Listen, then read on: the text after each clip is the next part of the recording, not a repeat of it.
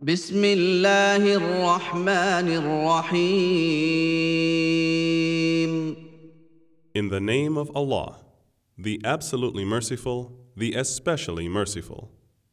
إذا زلزلت الأرض زلزالها When the earth is shaken with its earthquake, وأخرجت الأرض أثقالها and when the earth throws out its burdens, وقال الإنسان ما لها and man will say, What is the matter with it?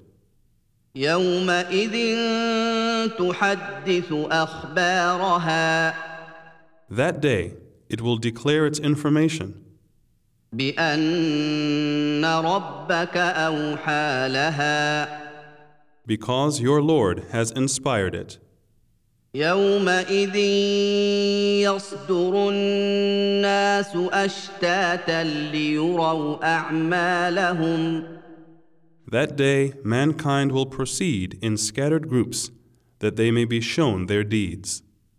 فمن يعمل مثقال ذره خيرا يره So whoever does good equal to the weight of an atom shall see it, ومن يعمل مثقال ذره شرا يره and whoever does evil equal to the weight of an atom shall see it.